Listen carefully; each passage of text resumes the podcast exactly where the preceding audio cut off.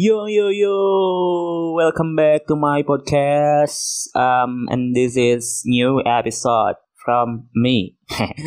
Selamat datang kembali buat teman-teman yang suka dengerin podcast saya. Makasih buat teman-teman yang udah bersedia dengerin podcast ini meskipun kadang males-malesan buat update episode barunya. Hmm, dan selamat datang juga buat teman-teman pendengar baru yang mungkin baru tahu podcast ini. Teman-teman bisa scroll ke bawah di podcast saya. Di sana ada banyak lumayan um, pembacaan puisi-puisi yang sebenarnya itu secara langsung maupun tidak uh, adalah cara saya untuk membagikan puisi-puisi yang menarik untuk saya. Kemudian ada topik-topik yang lain juga. Kadang saya ngobrol sendiri kayak sekarang atau saya ngajakin teman-teman atau kenalan untuk ngobrolin hal-hal yang mudah-mudahan bisa ngasih sudut pandang yang baru atau mungkin informasi yang bermanfaat buat teman-teman yang dengerin. Hmm, untuk sekarang saya ingin ngobrolin tentang perjalanan saya ngekos, teman-teman. Uh, mungkin ini terdengar tidak penting, tapi coba kita dengerin dulu aja ya. Hmm, ngomong-ngomong tentang ngekos, jadi saya mulai ngekos itu dari tahun 2011 sampai 2020 awal. Sejak pokoknya sampai uh, COVID datang ke Indonesia aja sekitar bulan Maret Hmm, 2011. Jadi sebelumnya, tiga tahun sebelumnya, saya sebenarnya nggak tinggal di rumah juga, tapi gak ngekos juga. Soalnya saya tuh tinggal di pesantren selama tiga tahunan. Meskipun sempat di awal-awal mondok itu karena sakit lumayan parah gitu, jadi saya tinggal di rumah uwa selama tiga bulanan. Nah, tapi sayang aja kalau misalnya tinggal di UA gitu uh, ya mendingan di pesantren lah sambil ngaji gitu dan biayanya juga relatif murah ketimbang ngekos. Nah, kemudian 2011 saya mulai kuliah di salah satu kota kecil di Jawa Tengah. Teman-teman, coba tebak kotanya. Hmm, kotanya itu punya satu tempat wisata yang namanya Batu Raden. Nah, teman-teman kebayang ya. Kotanya adalah Purwokerto. Nah, saya kuliah di jurusan D3 Perencanaan Sumber Daya Lahan yang ada di Fakultas Pertanian Universitas Jenderal Sudirman. Saya di sana cuma satu tahun sih dan niatnya juga emang buat ngisi waktu setahun aja buat tes tahun depan gitu. Karena um, sebagaimana yang mungkin sering saya uh, sering saya ceritain, saya tuh pengen ke jurusan ilmu komputer Universitas Indonesia tapi ternyata setahun kemudian saya gak masuk teman-teman dan itu waduh nyesek banget di sini nih di hati. hmm, jadi dari masa awal-awal kuliah atau uh, awal-awal lulus dari SMA saya tuh udah terlatih patah hati nih teman-teman sampai sekarang jadi udah mengalami berbagai penolakan.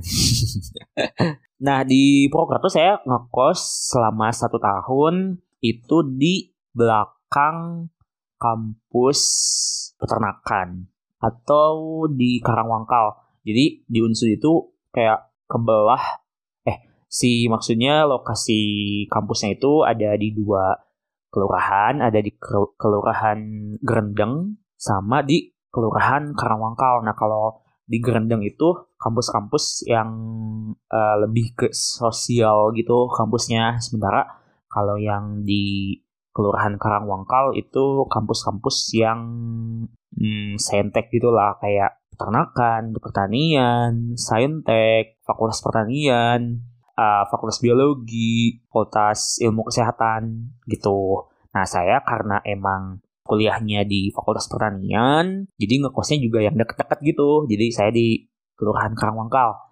Meskipun sebenarnya nggak apa-apa juga sih di daerah di di kelurahan Gerendeng juga tapi mungkin harus jalan agak jauh gitu untuk ke tempat kuliahnya.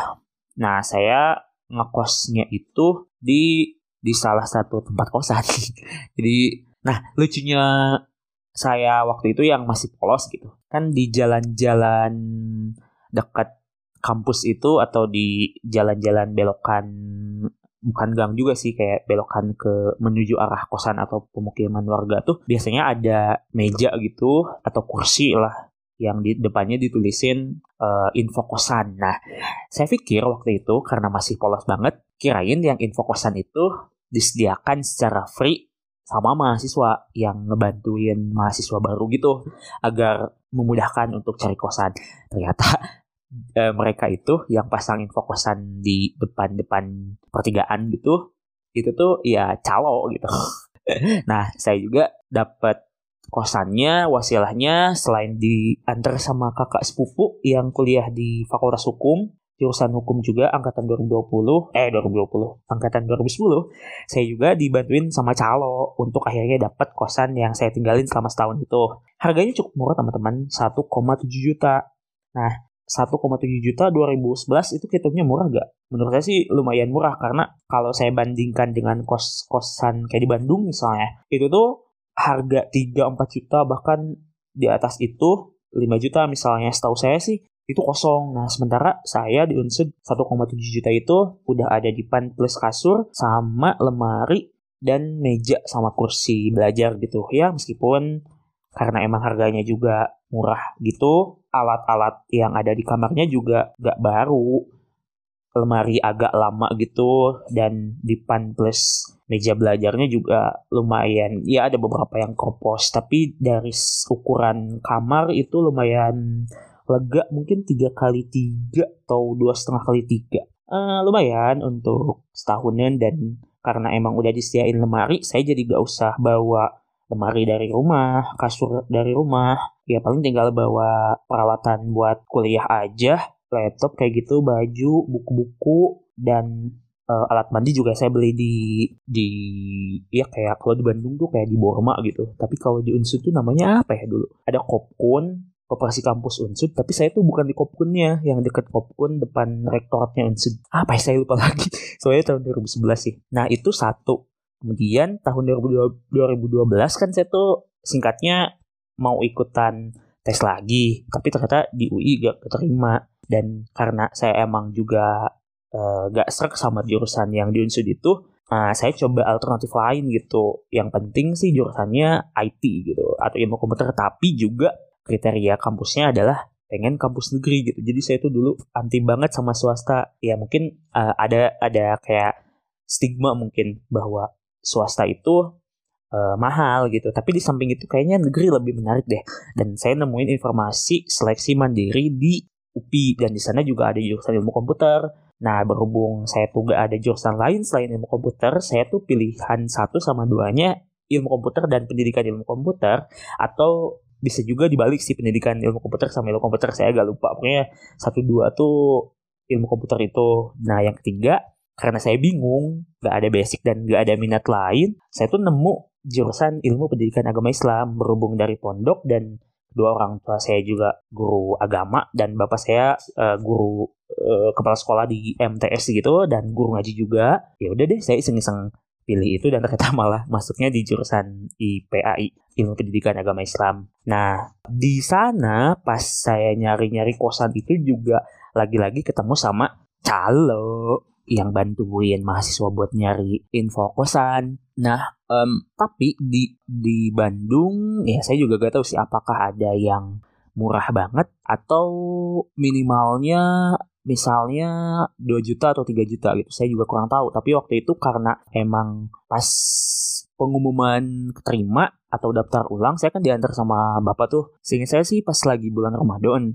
Nah, karena emang di hari itu juga pulang, harus pulang lagi, ya maka mau gak mau harus dapat kosan. Buat pas nanti ospek kampus itu atau ospek universitas saya udah dapet uh, kosan tinggal pindahan gitu. Nah setelah nyari-nyari dulu tuh nyari-nyarinya cuma di daerah Cilimus aja. Soalnya kan gak ada temen uh, yang tahu lokasi UPI gitu atau kenalan lah yang yang sebelumnya mahasiswa UPI jadi saya sama bapak dianterin sama calo nyari-nyari kosan dan dapet di uh, di Cilimus itu tuh harganya seingat saya 3,8 juta. Itu tuh kalau gak salah udah sama listrik plus air. Tapi ukuran ukuran kamarnya tuh kecil ya. Berapa? Mungkin dua setengah kali dua setengah mungkin. Dan itu di lantai dua di lantai dua tapi pakai papan gitu. Dan ada jendela tapi kaca doang nggak bisa dibukain. Jadi agak sumpek-sumpek gitu. Terus atapnya juga pendek lagi. Kamarnya sih ada berapa ya? Saya coba ingat-ingat. Satu dua tiga empat lima enam tujuh delapan kamar. Kalau gak salah ya di bawahnya sih di bawahnya juga ada kamar cewek tapi paling berbaurnya cuman ngejemur aja gitu. Kalau WC-nya ada masing-masing. Nah yang cowok tuh untuk 8 kamar ada satu WC dan ya ya gitu deh. Saya tuh padahal dari awal pengen kamar mandi dalam tapi ternyata mahal-mahal gitu. Ya 7 juta atau 6 juta Uh, mungkin ada yang lebih murah tapi dalam waktu seharian untuk nyari tempat kos yang cocok dengan budget dan keinginan tuh kayaknya agak-agak susah gitu mungkin perlu beberapa hari dan effort yang lebih gitu untuk dapetin kosan yang menarik hati dan cocok gitu. Nah, eh, singkat cerita saya uh, saya ngambil yang 3,8 juta itu mungkin saya lupa persisnya berapa tapi di kisaran angka itu deh. Nah, selama setahun saya di sana gak ada temen dari satu jurusan sih. Kayaknya juga uh, anak IPAI yang di Cilimis itu kayaknya saya doang sih. Baru beberapa tahun kemudian ada adik tingkat juga yang ngekos di sana. Bahkan ada temen satu angkatan juga uh, yang kita ngekos bareng gitu atau ngontrakan bareng itu di tahun kedua teman-teman. Nah tahun kedua saya pindah ke kontrakan. Jadi rumah gitu ada dua kamar tapi di kontrak sama berapa ya? Lima orang gitu. Ada yang di kamar di kamar satu itu dua orang uh, kemudian di uh, di apa ya kayak kayak spe, kayak space dari kamar satu ke kamar dua dan dapur plus kamar mandi itu tuh ada kayak ruang lumayan luas tapi bukan kamar tapi itu dijadiin buat satu orang. Jadi tiga orang tuh. Oh enam orang sorry. Dan satu kamar agak panjang gitu lebarnya kecil mungkin agak mungkin sekitar uh, du eh mungkin sekitar dua kali lima meter mungkin atau empat meter itu tuh tiga orang di sana. Jadi kita barengan aja gitu. Tidur mah di mana aja ada yang kadang di kamar ada yang di tengah rumah bebas lah gitu. Nah, nah itu harganya saya agak lupa lagi ya 20 juta gitu kalau gak salah. Um, untuk tujuh orang silahkan teman-teman bagi sendiri 20 dibagi 7 berapa? 2,8 juta kalau gak salah kita bayarnya tuh tapi itu belum sama listrik. Nah saya di sana bertahan satu tahun terus di tahun ketiga saya sama satu teman yang uh, dikontrakan di tahun kedua itu nyari kosan lagi dan dapat di Cilimus lagi. Itu tuh kalau teman saya lebih murah berapa ya? Mungkin 3 juta atau berapa? Nah saya 3,5 gitu kalau gak uh, agak-agak lupa tapi di bawah 4 juta deh. Nah kamar saya lebih kecil juga gitu. Kalau teman saya lantai di lantai dua sama kayak saya sih tapi dia di papan gitu dan agak lebih murah dari yang saya hmm, di sana juga kosannya tuh campur putra putri tapi putra di atas putri di bawah.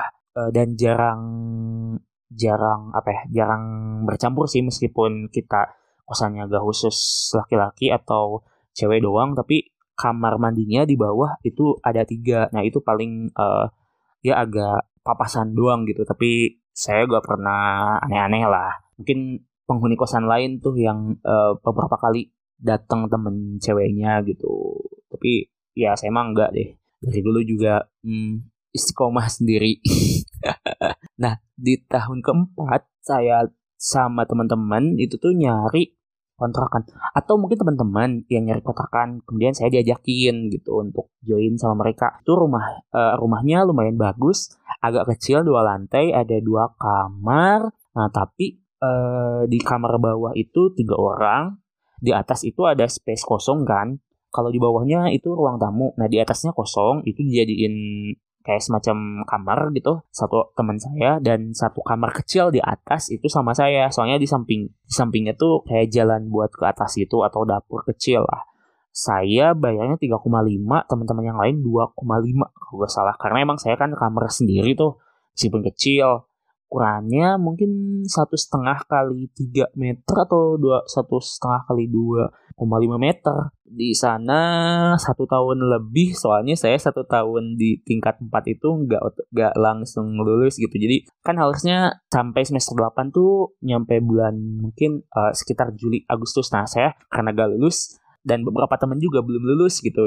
Jadi kita uh, nambah sampai akhir sampai akhir tahun sampai Desemberan. Nah itu bayarnya berapa agak lupa gitu per bulannya tuh buat nambahin itu. Nah baru deh di tahun 2000 pokoknya kan saya nyampe akhir tahun tuh di kosan di kontrakannya ini. Nah habis dari sana karena belum beres saya nyari yang lokasi dekat sama kosan yang ini biar gak ribet-ribet. Nah di dekat sana di dekat kontrakan kami itu tuh ada temen yang juga ngontrak rumah juga. Nah saya ke sana aja pindahannya gitu sama satu teman eh uh, sama satu teman yang dari kontrakan lama ini. Sementara yang teman-teman yang lain mah ada yang nyari kontrakan lain ada yang gak ngekos lagi. Nah saya di sana berapa bulan ya?